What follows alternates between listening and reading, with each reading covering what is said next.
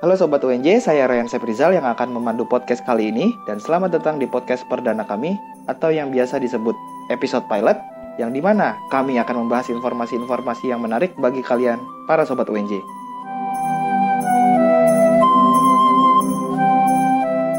Podcast ini bisa buat nemenin kalian yang lagi di perjalanan menuju sekolah atau kampus. Bisa juga buat nemenin kalian yang lagi nongkrong-nongkrong di kafe atau bisa juga buat nemenin ngerjain tugas atau juga bisa buat ngisi waktu luang kalian tanpa harus ngeliatin gadget kalian dan tetap bisa melakukan aktivitasnya.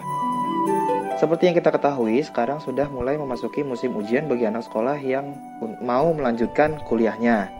Nah, untuk masuk kuliah ke perguruan tinggi negeri itu biasanya ada tiga jalur ada SNMPTN, ada SBMPTN, dan seleksi mandiri di masing-masing universitas negeri atau biasa disebut PTN. Dan pada tanggal 22 Maret lalu sudah diumumkan hasil ujian dari seleksi SNMPTN. Nah, tepat pada 25 Maret lalu, siswa dan siswa SMK kelas 12 sudah melaksanakan UNBK atau atau yang disebut ujian nasional berbasis komputer. Sedangkan untuk anak SMA Ujian nasional berbasis komputer sudah berjalan minggu lalu, tepatnya pada tanggal 1 April 2019. Nah, dari rangkaian ujian masuk perguruan tinggi negeri tadi, berarti masih ada tersisa dua ujian, yaitu SBMPTN dan seleksi mandiri dari setiap universitas. Nah, untuk mengikuti seleksi SBMPTN ini, Sobat UNJ harus memiliki nilai UTBK. Nah, UTBK itu apa sih? Kita udah kedatangan dua narasumber, yaitu Duta Universitas Negeri Jakarta Halo. Hai. Nah, duta duta-duta di sini mereka biasa bertugas se, untuk memberikan informasi terkait UTBK, SBMPTN dan seleksi mandiri. Coba dong perkenalkan duta-dutanya siapa aja yang ada di sini. Iya, halo perkenalkan nama saya Reza Purama. Saya duta UNJ 2018 dari program studi Pendidikan Ekonomi di Universitas Negeri Jakarta. Oke. Dan halo teman-teman semua, saya Salsabila Sania Abida, biasa dipanggil Sania dari Fakultas Pendidikan Psikologi angkatan 2017. Oke. Oke, langsung aja nih ya kita ke pembahasan selanjutnya. Ini sebenarnya saya mau nanya-nanya terkait SBMPTN. Nah, dengar-dengar sekarang SBMPTN itu menggunakan sistem online ya? Yang dinamakan UTBK. Itu proseduralnya tuh kayak gimana ya? Oke, jadi SBMPTN itu adalah singkatan dari seleksi bersama masuk perguruan tinggi negeri. Hmm. Kalau misalkan di sini teman-teman yang kelas 12 e, di senam PTN melakukan ujian dengan seleksi nilai raport, nah di SBMPTN ini teman-teman harus melalui ujian berupa ujian komputer. Nah, yang berbeda dari tahun-tahun sebelumnya, ini ujiannya dia itu berbasis komputer. Hmm. Jadi namanya sekarang adalah UTBK. Jadi kalau misalkan tahun lalu perbandingannya misalkan teman-teman SBMPTN. Hmm. Ketika teman-teman SBM berarti itu udah sekaligus ujian. Nah, tahun ini adalah teman-teman harus UTBK dulu. Setelah nanti keluar UT, uh, eh, nilai UTBK-nya, baru teman-teman bisa mendaftarkan lagi di SBMPTN. Jadi teman-teman nggak bisa daftar SBMPTN aja, tapi teman-teman harus daftar UTBK, mendapatkan nilai, baru daftar SBMPTN. Gitu. Nah, untuk nilai UTBK-nya sendiri itu apakah hanya bisa digunakan di SBMPTN atau juga bisa digunakan di seleksi mandiri di berbagai universitas? Iya, uh, jadi untuk nilai UTBK ini tentunya berlaku satu tahun ya Kasania ya. Di tahun kalau kita ikut UTBK 2018 otomatis hanya bisa digunakan di SBMPTN 2018. Nah, tetapi ada beberapa universitas negeri, perguruan tinggi negeri di yes, Indonesia yang menggunakan nilai UTBK juga sebagai seleksi mandiri di perguruan oh. tinggi negeri masing-masing. Nah, selanjutnya nih, saya mau nanya uh, untuk pendaftaran UTBK itu dari kapan ya? Nah, jadi gini, pendaftaran UTBK itu jadwalnya tanggal 1 Maret sampai dengan 1 April yang dibagi menjadi dua gelombang. Gelombang pertama tanggal 1 sampai dengan 25 Maret. Mm-hmm. Gelombang kedua pendaftarannya pada tanggal 26 Maret sampai dengan 1 April. Jadi UTBK mm. ini terakhir pendaftarannya itu tepat satu minggu yang lalu pada tanggal 1 April. Ya, betul sekali. Oh berarti udah ditutup dari tanggal 1 April berarti ya. Itu nanti udah nggak ada gelombang ketiganya lagi. Berarti itu udah stop untuk tahun ini sampai tanggal 1 April 2019 minggu lalu. Nah iya betul, jadi UTBK ini dibagi menjadi dua gelombang. Jadi bagi siapa pun yang belum mendaftar baik di gelombang satu dan gelombang kedua akan uh, masih bisa nih ikut ujian masuk PTN melalui jalur mandiri yang nanti akan kita bahas juga. Nah, dan nilai eh, nilai UTBK tahun ini itu juga hanya bisa dipakai di tahun ini saja. Jadi kalau misalkan ikut UTBK tahun 2018, hmm. berarti SBMPTN-nya juga hanya bisa di 2018. Nggak bisa kayak UTBK tahun ini, tapi nilainya dipakai untuk tahun depan. Nah itu oh, tidak bisa seperti nggak bisa ya? Iya. Oh berarti nilainya cuma berlaku per tahun ini. Betul. Nah sekali. merujuk sama kata-katanya Duta Shania, tadi SBMPTN itu nilai yang digunakan melalui UTBK. Betul. Untuk pendaftaran SBMPTN, apakah udah dibuka atau belum? Nah, untuk pendaftaran UTBK kan tadi sudah dijelaskan. Ya. Untuk pendaftaran SBMPTN itu dibuka setelah semua ujian UTBK itu selesai. UTBK Hmm, itu. kan selesai terakhir yang tertera di jadwal resmi LTMPT tanggal 26 Mei. Hmm. Nah, untuk seleksi SBMPTN tersebut dibuka pendaftarannya mulai dari 10 sampai 24 Juni 2019 seperti itu. Dan pendaftarannya juga menggunakan sistem online seperti itu. Oh berarti cukup jauh ya dari jadwal penutupan terakhir UTBK ke jadwal pendaftaran SBMPTN. Iya, karena ketika nanti teman-teman kelas 12 mengikuti ujian UTBK, pengumuman nilainya itu akan keluar 10 hari setelah ujian. Hmm. Jadi itu untuk memberikan space waktu bagi teman-teman yang ujian terakhir di tanggal 26. Hmm. Kalau teman-teman ujian di tanggal 26 kan berarti 10 hari setelahnya itu sekitar tanggal 6 Juni, betul? Iya, betul. Ya, berarti itu untuk uh, memberikan space waktu dan juga membuka uh, kelengkapan nilai-nilai di UTBK-nya itu sendiri. Nah ujian UTBK ini berlangsung serentak kepada semua siswa atau dibagikan jadwalnya oleh pemerintah. Iya. Boleh? Uh, untuk UTBK sendiri itu kan dibagi menjadi dua gelombang. Nah, Hmm. gelombang pertama itu ujiannya sekitar bulan April, selama Hmm. bulan April di waktu yang telah ditentukan berdasarkan sesi-sesi yang telah disediakan, Hmm. yaitu setiap Sabtu dan Minggu. Oh berarti setiap Sabtu Minggu dari bulan April sampai bulan Mei. Mei. Iya, Oh. tapi gelombang pertama di bulan April, Hmm. gelombang keduanya di bulan Mei. Oh gitu. Tuh. Nah, jadi berdasarkan pendaftaran UTBK-nya dari teman-teman yang kelas 12 ini, mereka sudah dibagikan jadwalnya berdasarkan tanggal yang mereka pilih. Hmm. Karena UTBK ini kan diselenggarakan selama 6 minggu Hmm. tiap pekannya. Dari tanggal 13 April sampai 26 Mei. Namun kalau misalkan teman-teman kelas 12 ini cek lagi, dia tidak setiap Sabtu Minggu berurutan karena di tanggal-tanggal tertentu ada misalkan di tanggal 5 Mei itu dia adalah hari pertama puasa sehingga eh, tidak diadakan UTBK pada hari tersebut. Atau kenapa tidak dilaksanakan pada tanggal 19 Mei karena hari tersebut merupakan hari raya Waisak seperti itu. Jadi, tapi selebihnya semuanya tetap diselenggarakan dari tanggal 13 Mei April sampai 26 Mei hari Sabtu dan Minggu. Jadi eh, teman-teman gak perlu khawatir semuanya dilaksanakan hari Sabtu dan Minggu. Nah untuk sistem tesnya kan online. Mm-mm. Apakah peserta ujiannya harus membawa laptop sendiri, membawa gadgetnya sendiri atau gimana? Nah, tentu enggak ya. Karena di setiap pusat UTBK itu kan di kartu peserta UTBK-nya teman-teman sudah dapat di mana eh, ruangan. UTBK-nya, lokasi ujiannya betul.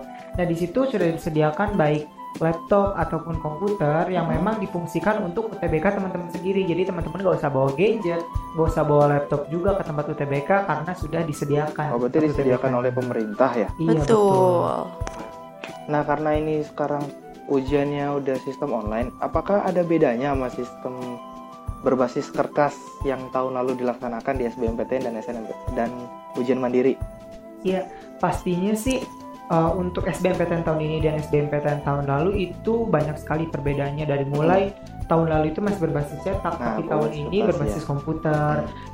Pertama lebih ramah lingkungan karena kita menerapkan paperless.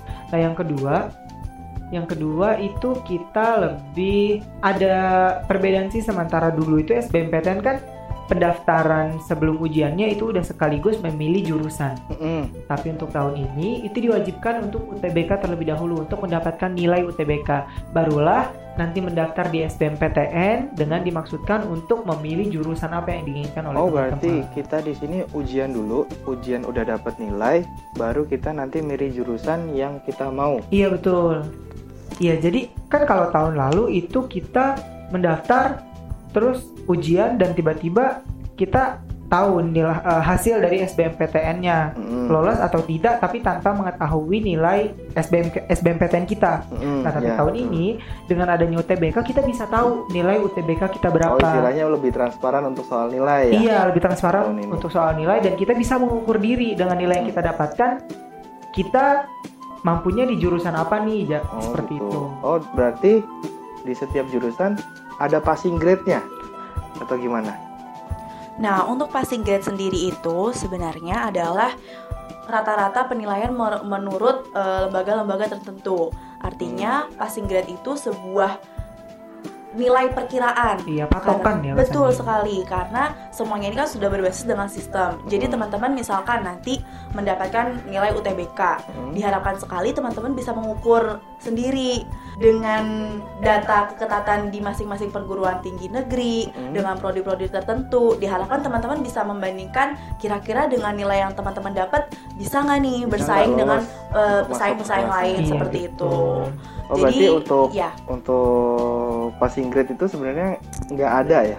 Iya. Ya, sejujurnya sih Karena itu hanya ada. patokan berdasarkan Betul. tahun kemarin ya. Betul sekali dan sebenarnya tidak bisa terus-menerus dijadikan patokan. Iya, karena untuk masuk universitas ini di ranking berdasarkan kuota yang tersedia. Iya, gitu. sekali. Jadi kalau kuotanya 30, nah terus nilai teman-teman tinggi sekali tapi teman-teman berada di peringkat 31, nah itu tetap saja akan tidak lolos. Oh gitu.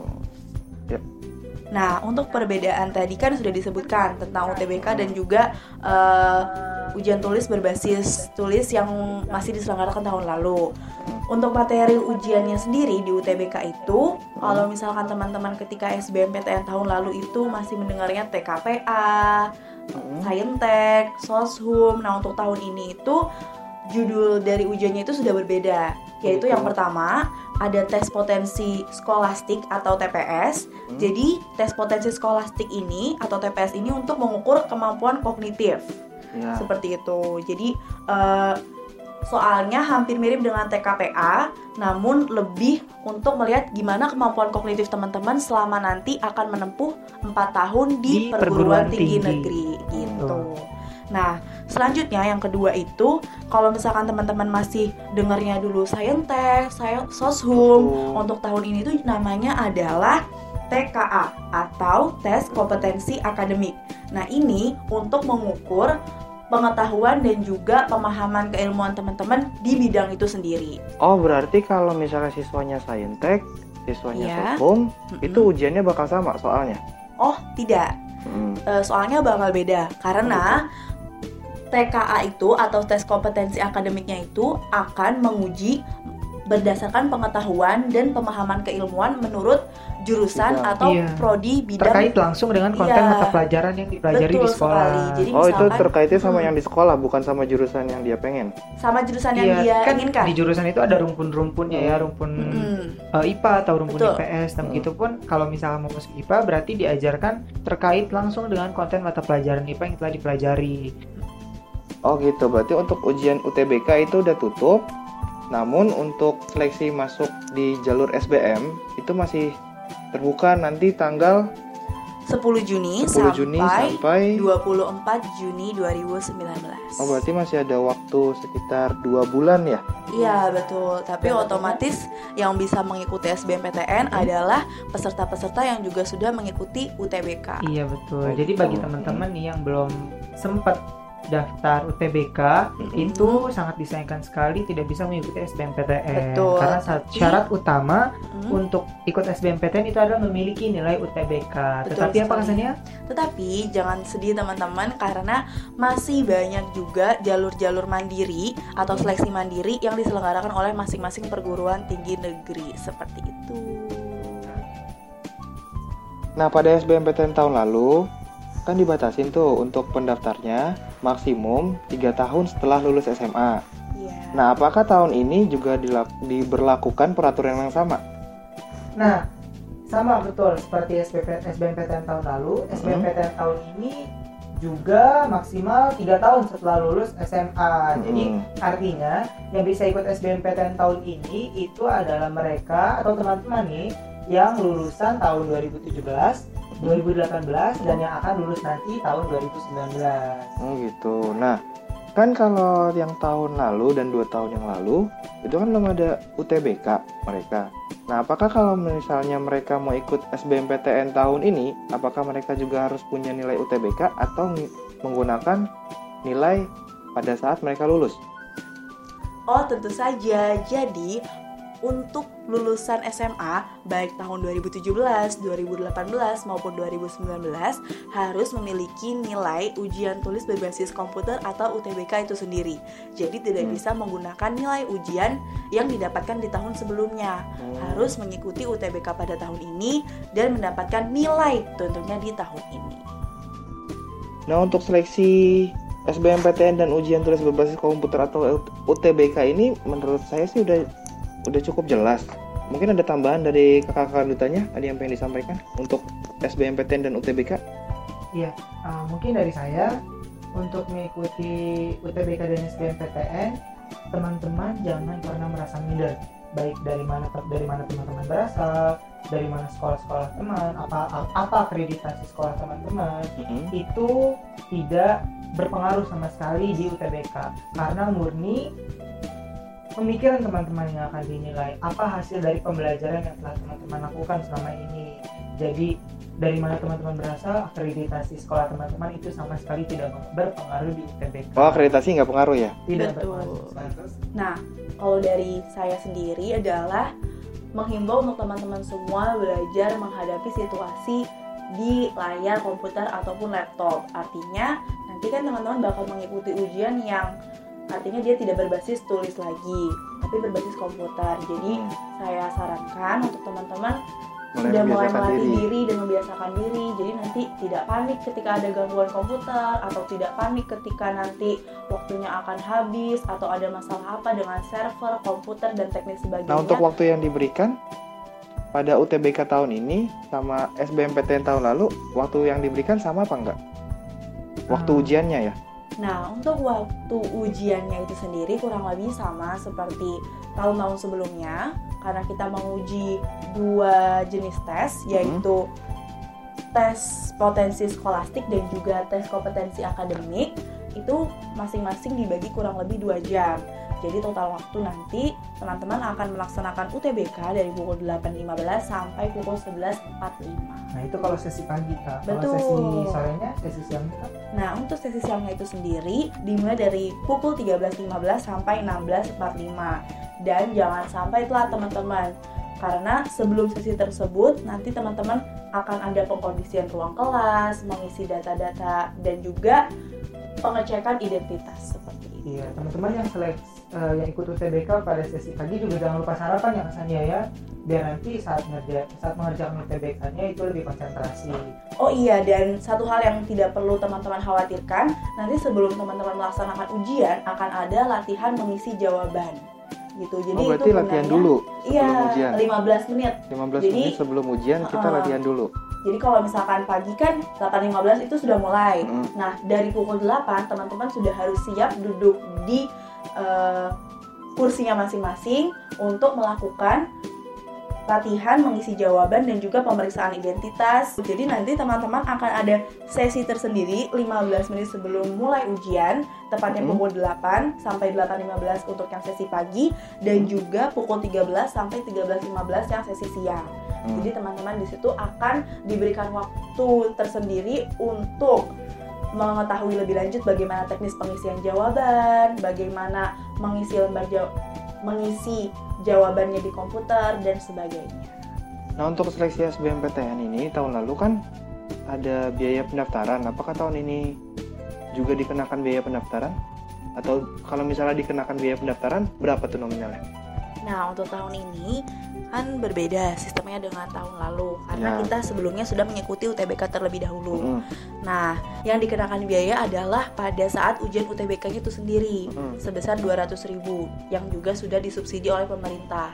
Mm. Jadi, teman-teman kelas 12 di sini bayarnya di UTBK seperti itu Oh karena di SBMPTN-nya nggak bayar? Iya, karena di SBMPTN sudah tidak dikenakan biaya lagi. Oh gitu. Disubsidi oleh pemerintah.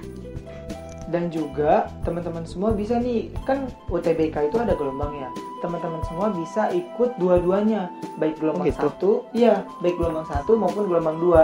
Tapi yang didaftarkan di SBMPTN nanti itu adalah nilai tertinggi dari teman-teman. Baik mungkin nilai tertinggi teman-teman di gelombang satu daripada gelombang dua berarti daftarkannya yang di gelombang satu. Begitupun kalau nilai teman-teman yang di gelombang dua lebih besar daripada yang gelombang satu. Nah tapi kalau misalnya nilai di gelombang pertamanya dia lebih besar, tapi dia masih coba di gelombang kedua dan ternyata nilai di gelombang keduanya dia lebih rendah, nilai mana yang lebih yang nilai mana yang akan diambil? pasti gelombang satu karena nanti bagi teman-teman yang memilih mengikuti uh, UTBK dua gelombang Hmm. itu akan diminta untuk memilih nilai Betul. mana yang akan didaftarkan di SBMPTN. Oke. Jadi, tergantung dari teman-teman itu sendiri. Oh berarti Nilai pesertanya, pesertanya yang memilih Betul. untuk nilai mana yang akan diambil Betul. untuk diajukan di Karena kan- SBMPTN. Iya, jadi karena kan pendaftaran SBMPTN itu sendiri dilakukan oleh teman-teman masing-masing. Jadi Hmm. katakanlah ketika teman-teman sudah melakukan ujian UTBK, Hmm. sudah mendapatkan nilai, Hmm. tapi teman-teman tidak mengikuti pendaftaran SBMPTN, Hmm. berarti nilai teman-teman hangus alias tidak bisa terpakai seperti Hmm. itu.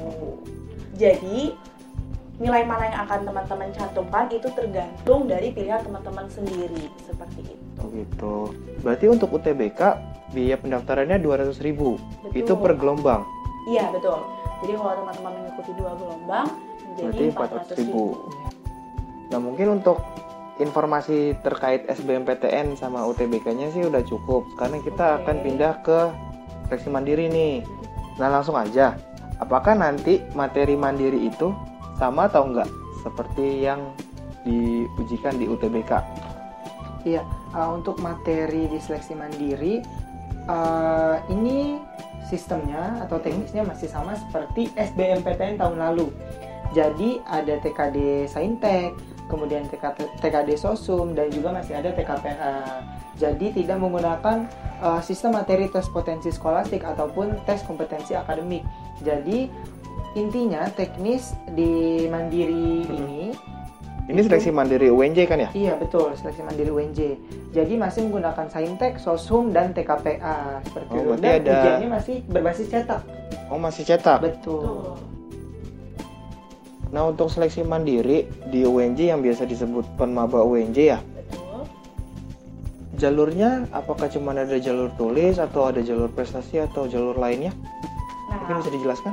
Untuk penerimaan mahasiswa baru di UNJ ini ada dua jenis penmaba.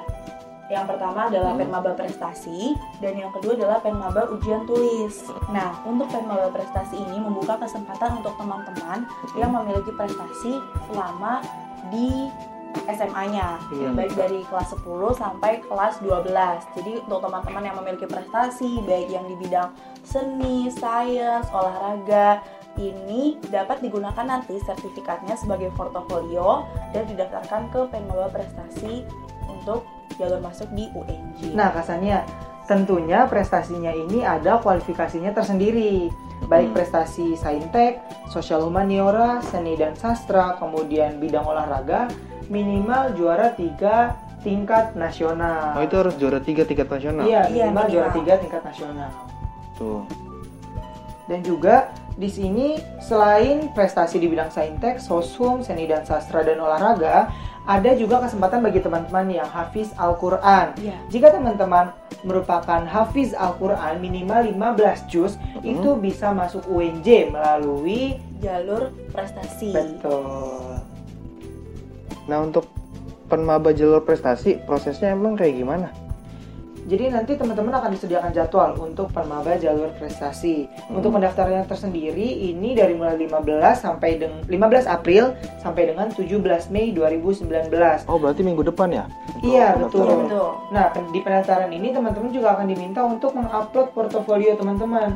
tadi yang disebutkan oleh Kasania baik di bidang sosum, saintek, seni dan sastra ataupun bidang olahraga maupun habis Al-Quran nanti diupload ke penmaba.unj.ac.id portofolionya diupload kemudian nanti tinggal menunggu pengumuman kelulusan portofolionya di tanggal 28 Mei 2019 Nah, nanti setelah itu dilanjutkan dengan pelaksanaan wawancara dan unjuk kerja. Jadi teman-teman yang lulus nanti akan dipanggil untuk wawancara dan unjuk kerja.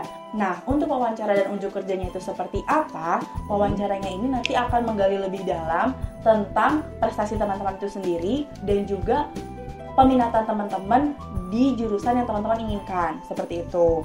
Dan unjuk kerjanya itu sendiri adalah dengan memberikan bukti prestasi teman-teman. Misalkan teman-teman juara satu di bidang silat tingkat nasional. Berarti teman-teman nanti akan unjuk kerja di keahlian silatnya teman-teman itu sendiri. Iya betul. Nah jika teman-teman lolos di seleksi wawancara dan unjuk kerja, Betul. nanti akan ada pengumuman kelulusan pada tanggal 21 Juni 2019 pukul 2 siang. Nah, Dan untuk unjuk kerja itu kita nampilin di depan penguji. betul.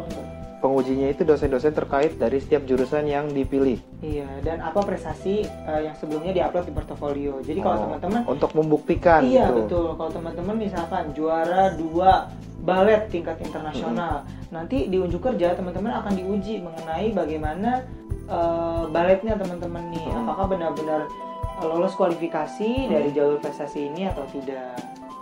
Nah, untuk berarti untuk jalur prestasi itu ber- harus linear ya sama jurusan dan prestasi yang dia dapatkan. Nah, iya, jadi disarankan seperti itu teman-teman. Artinya gini, kita ambil contoh misalkan teman-teman berprestasi di bidang seni dan sastra. Juara satu lomba pidato tingkat nasional misalnya.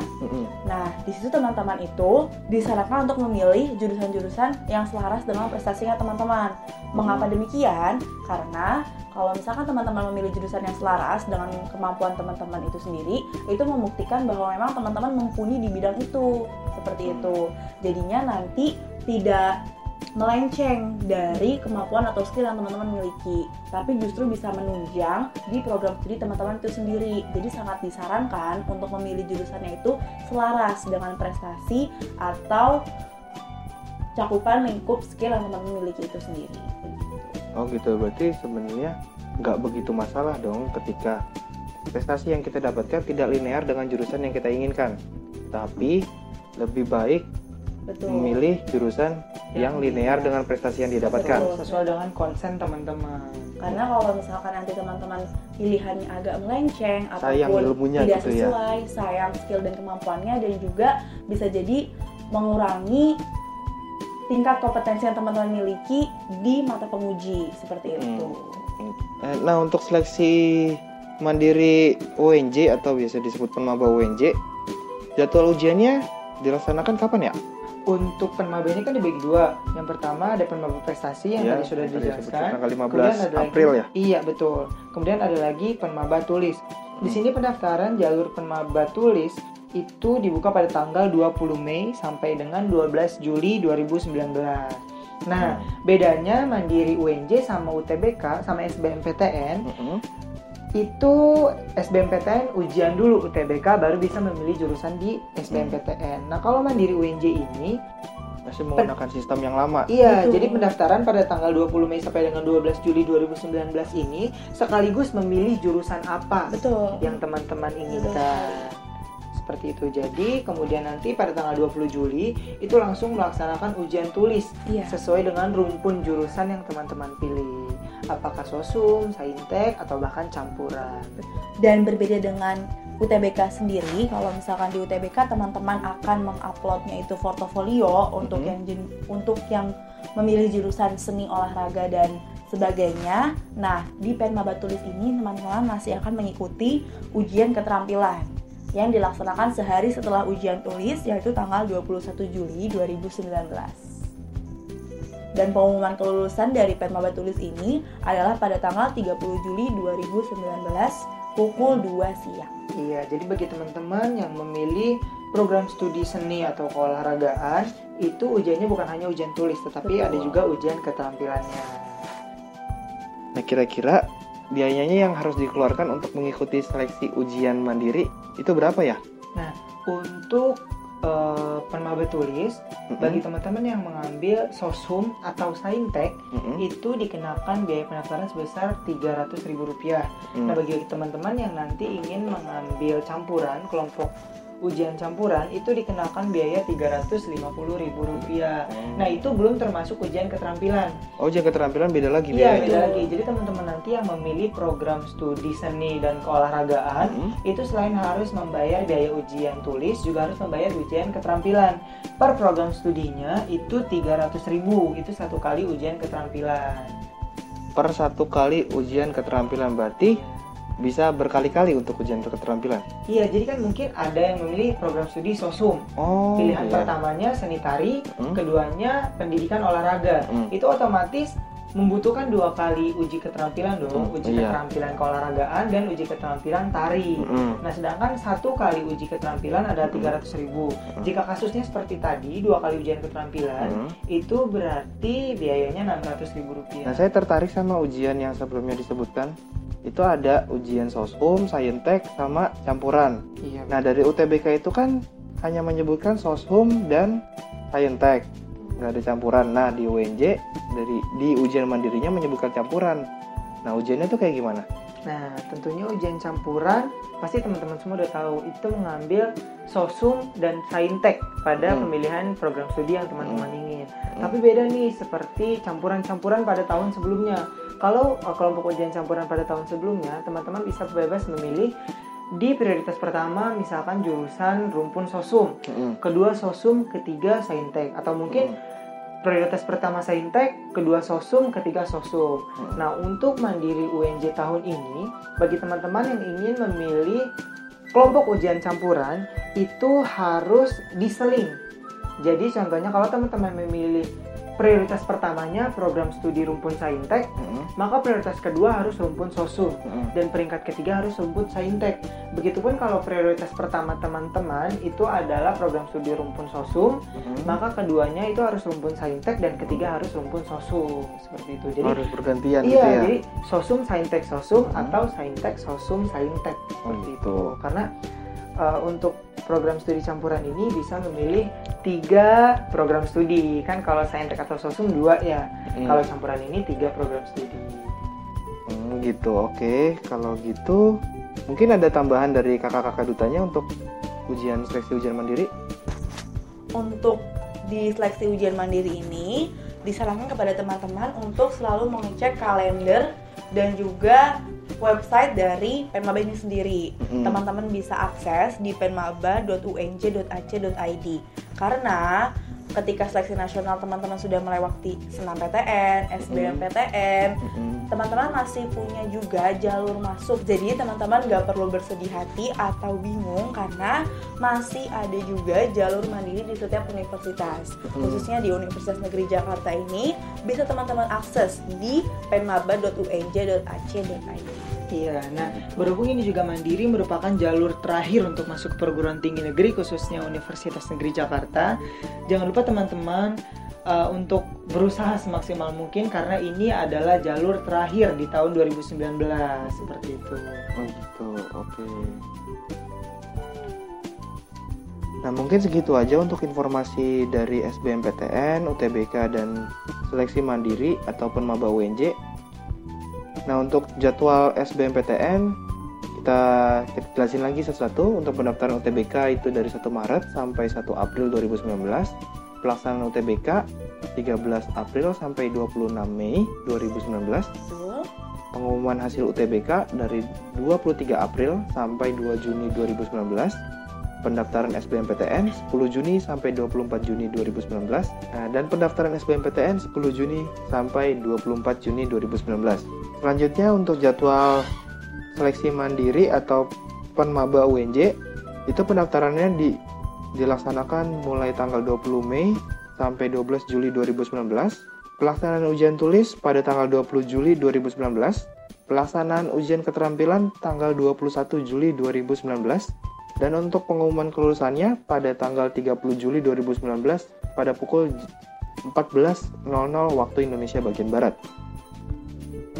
Selanjutnya ada jalur prestasi yang dibuka pendaftarannya pada tanggal 15 April sampai 17 Mei 2019. Pengumuman kelulusan portofolio pada tanggal 28 Mei 2019. Pelaksanaan wawancara dan unjuk kerja pada tanggal 18 Juni sampai 19 Juni 2019. Dan terakhir pengumuman kelulusan pada tanggal 21 Juni 2019 pada pukul 14.00 waktu Indonesia bagian Barat. Oke, segitu aja informasi dari duta-dutanya dan juga dari saya. Terima kasih kepada Kak Resa Purnama Iya. dari Fakultas Ekonomi dan Sania Abida dari Fakultas Psikologi. Betul.